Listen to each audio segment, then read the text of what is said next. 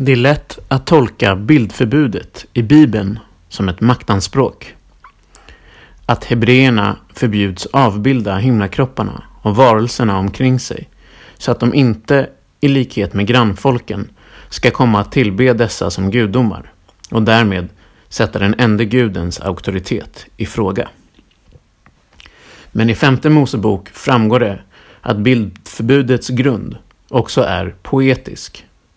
Det är för att hebreerna, citat, inte såg någon gestalt den dag då Herren talade till dem på Horeb ur elden, slutcitat, som bildförbudet proklameras. Bilden förknippas med gestalten, formen och tinget. Att avbilda det gestaltlösa, amorfa och intiga inte bara förbjuds, utan tas för omöjligt. Samtidigt säger Bibeln något ytterligare och lika avgörande på temat. Att människan är skapad Betselem Elohim till Guds avbild. Det är inte bara ett moraliskt postulat. Inte enbart en bekräftelse på människans särställning bland djuren. Det är också en utsaga om att hon själv utgör det hon varken tillåts eller antas vara förmögen att producera.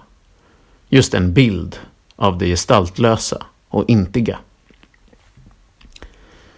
Tidigt i Göran Sonnevis nya bok För vem talar jag? Framtidens språk finns en dikt där denna spänning mellan bild och bildlöshet sätts på prov.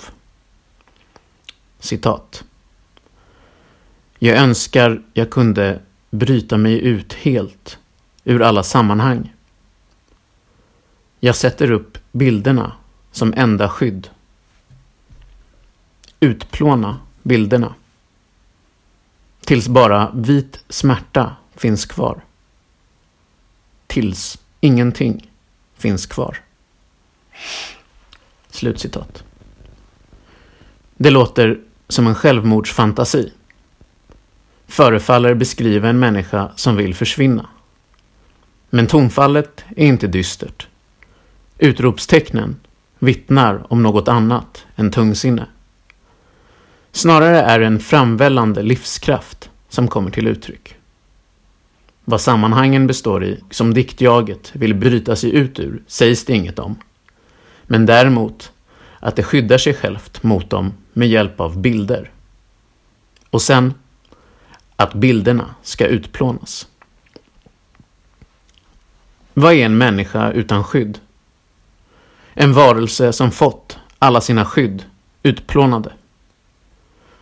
Dikten handlar inte om att fly och förstöra allt i sin närhet, utan om att öppna sig och exponera sig för världen, göra sig mottaglig och närvarande, vara skyddslös. Därav den vita smärtan. Sonnevis diktjag säger sig vilja utplåna bilderna, utplåna skydden. Men i nästa vändning erbjuder det läsaren just en bild av denna skyddslöshet och bildlöshet. Detta nakna ingenting. Att Sonnevi är en av den svenska efterkrigslitteraturens största bildskapare talas det sällan om. Läsningar av hans verk brukar vara fokuserade på det vardagliga, dagboksorienterade diktandet. Inte så konstigt kanske. Det är utan tvivel påtagligt. Men bildskapandet är kärnan. Särskilt tydligt blir det när man betraktar författarskapet bakåt. Hur upptagen Sonnevi är redan från början. Inte bara av att skapa, utan också av att reflektera kring bilder.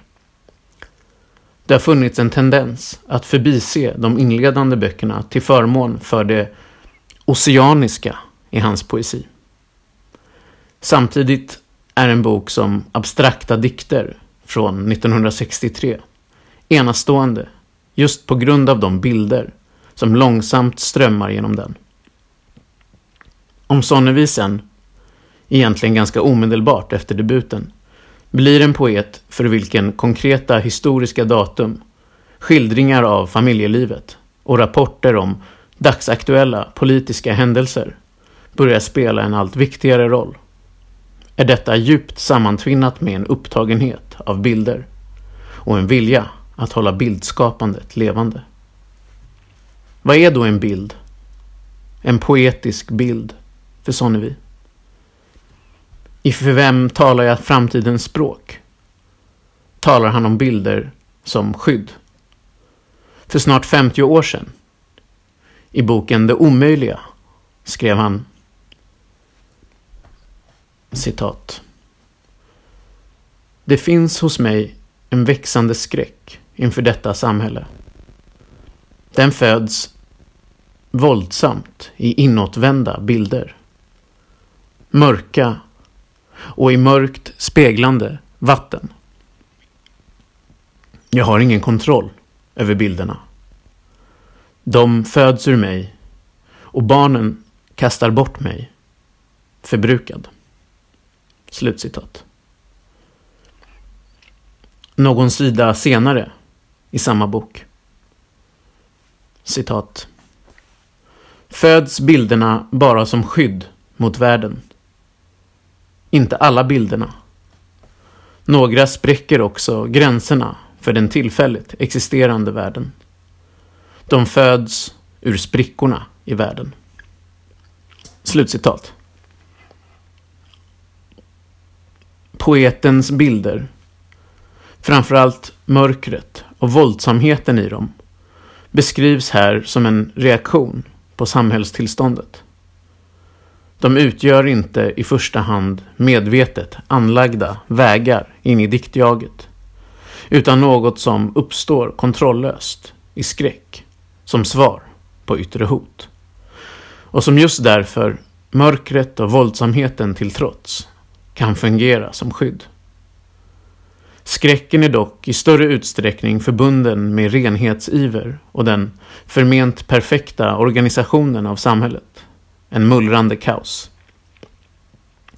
Mörkret och våldsamheten hos bilderna speglar inte mörker och politiskt våld av det brutalaste slaget. Det handlar inte om Ceausescus Rumänien. Den omedelbara reflektionsytan är snarare Palmes Sverige och västmänniskans känsla av alienation. I en dikt i boken Det oavslutade språket från 1972 heter det därför citat Bilderna avvärjer skräcken för det abstrakta universum. Blir själv snabbt bilder för skräcken. Slutcitat. Men det finns också bilder som fungerar som något mer än skydd. Som inte enbart avvärjer skräck och uppstår ur rädsla för yttre hot. Utan som föds i och svarar mot ett existentiellt mellanrum. Sonnevi anför citat sprickorna i världen, slutcitat. Och talar några rader senare i det omöjliga om citat sprickan mellan kärleken och hatet, ömheten och våldet, mellan livet och döden. Slutcitat. De bilder som bryter fram ur och berättar om dessa sprickor är neutrala på ett annat sätt. De ter sig både mer bestämda och obestämda än de tidigare. Starkt riktade men osäkra på sina föremål. Mindre orienterade mot vad som är etiskt och politiskt rätt.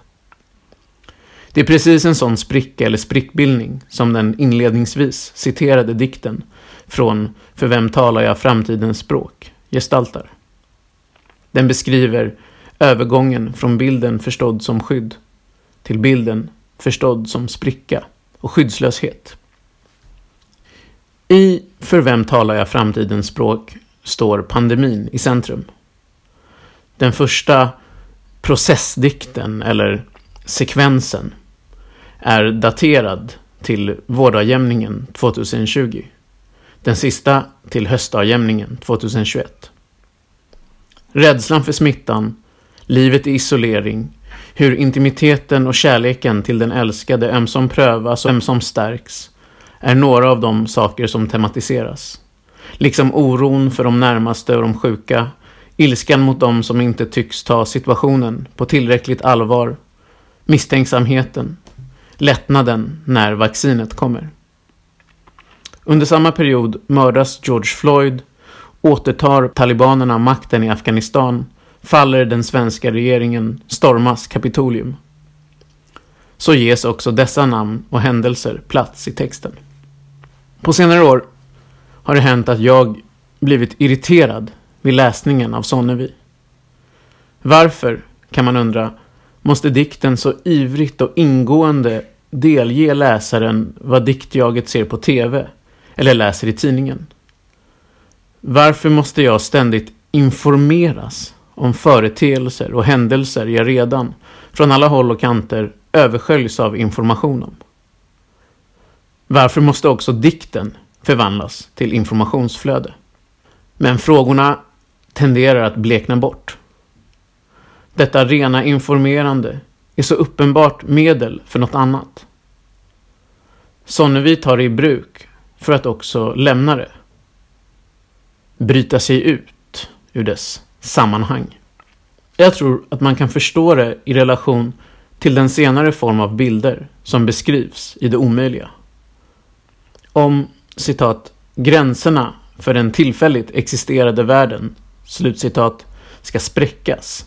Eller, mildare uttryckt, om sprickor i denna avgränsade värld ska kunna lokaliseras måste också gränserna i fråga åskådliggöras, markeras, det världsliga noggrant ringas in. Alltså ägnar sig Sonnevi åt långa skildringar av vardagsskeenden som återkommande genom olika slags cessurer och mellanrum bokstavligen spricker upp. De ger plats åt märkliga och mäktiga bilder av ting och gestalter som läsaren själv inte vet exakt var eller hur hon ska placera. Som inte tycks bekanta, förefaller sväva. Tätt förbundet med den rörelsen är sättet på vilket Sonnevis poesi klipper och skär i tiden. Hur den förfrämligar dess linjäritet genom att placera diktfragment daterade till sig 70-talet intill dikter försedda med långt senare årtal och vice versa. Aldrig har han lyckats så väl med det som här i den senaste boken. Å ena sidan genom att följa pandemins förlopp, visualisera den linjärt uppfattade tiden, kronologins och successionens tid. Och å den andra spräcka samma linjära tid bryta upp den. Låta dess tomma och efter varandra påföljande nupunkter stråla som prismor. När Sonnevik konstaterar, citat, på varje punkt också ett oändligt antal tider, slutcitat, förstår man precis vad han menar.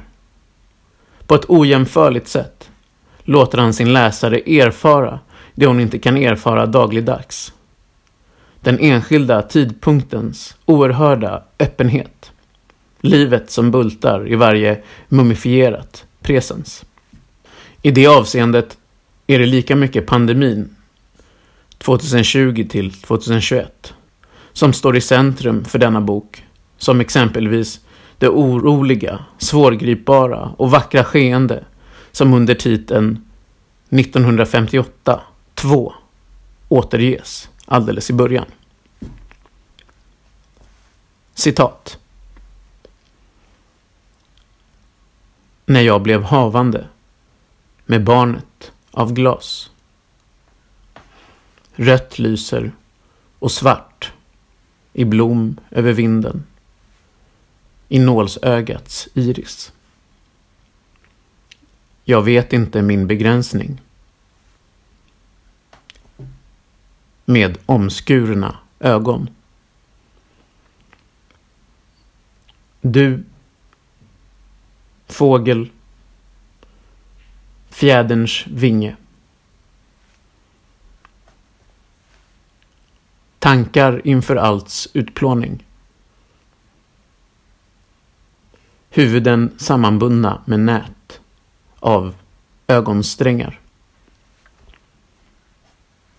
Slutcitat. Om de raderna kan man utan tvekan säga att de verkar vara födda ur sprickorna i världen. Inte minst det stycke som talar om att vara havande med barnet av glas. Vad beskriver det, om inte just ett tillstånd mittemellan. Därifrån löper trådar till otaliga andra ställen i boken. Till dikter daterade till mitten av 70-talet som skildrar missfall och sorgen efter förlorade barn. Och vidare till den Kerstin som under isolationen under pandemin beskrivs förlora sin känsla av mening eftersom hon hindras träffa sitt barn och barnbarn. Korskopplandet av tidpunkter, tidsangivelser och datum är på samma gång ett korskopplande av bilder. Datumet, lär oss Sonnevi, är i sig bild. Det är något givet, självklart, oansenligt och alldagligt. Men också en potentiell spricka i världen och tiden. Birgitta Trotzig skrev en gång om den poetiska bilden att den är till citat för att slunga oss slutcitat mot det citat vars frånvaro slutcitat den antyder. Hon menade att den illustrerar människans relation till det hon själv inte är. En yttersta verklighet. Det radikalt andra. Bilden driver oss mot själva gränsen för vår egen sensibilitet och varseblivning av världen. Den uttrycker å ena sidan det himlastormande begäret, å andra sidan den fundamentala oförmågan att namnge och hålla fast det himmelska och absoluta. Samma tanke gör sig påmind hos Sonnevi. Men att läsa honom är nog framför allt att förstå att bilden, när den är som sannast och starkast, äger en konkretion så skarp att den skär igenom det som den samtidigt avbildar. Just för att den är nitiskt inriktad på ett visst ting, en viss händelse eller känsla, öppnar den upp den. Sonnevis bilder gestaltar specifika föremål, men genom sin kompromisslösa uppmärksamhet på dem får bilderna dessa föremål att framstå som gestaltlösa och amorfa. Det är som om de låter det gestaltlösa i gestalten, det amorfa i formen, tränga fram.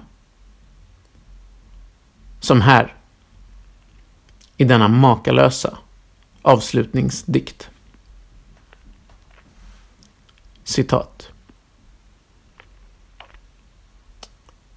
Vinge fogas nu till vinge. En tät väv. Den stora vingen lyfter nu till flykt. Högt, utanför den blå jorden. Vi levde detta. Det var vårt hem. Vi är nu stjärnornas hemsökelse. Stjärnornas vind blåser. Solens vind är bara en liten vind. Tidens flykt. Som är själva vinden. Stjärnljuset. Vi ser in i det inre. Universums svarta vinge. Med dess färger av stjärnor. Allt vidare flykt. Vi vecklas ut ur dess osynlighet. Det osynligas dimensioner vecklas ut. Som födselhinnor. Genomskinliga. Detta finns inne i oss. Detta fanns inne i oss. Det som var vi. Vingens form är svagt böjd. Det finns ingen väg tillbaka. Vi ser in i stjärnornas ögon. De ser på oss med sin strålande blick genom tomheten och mörkret. Slutcitat.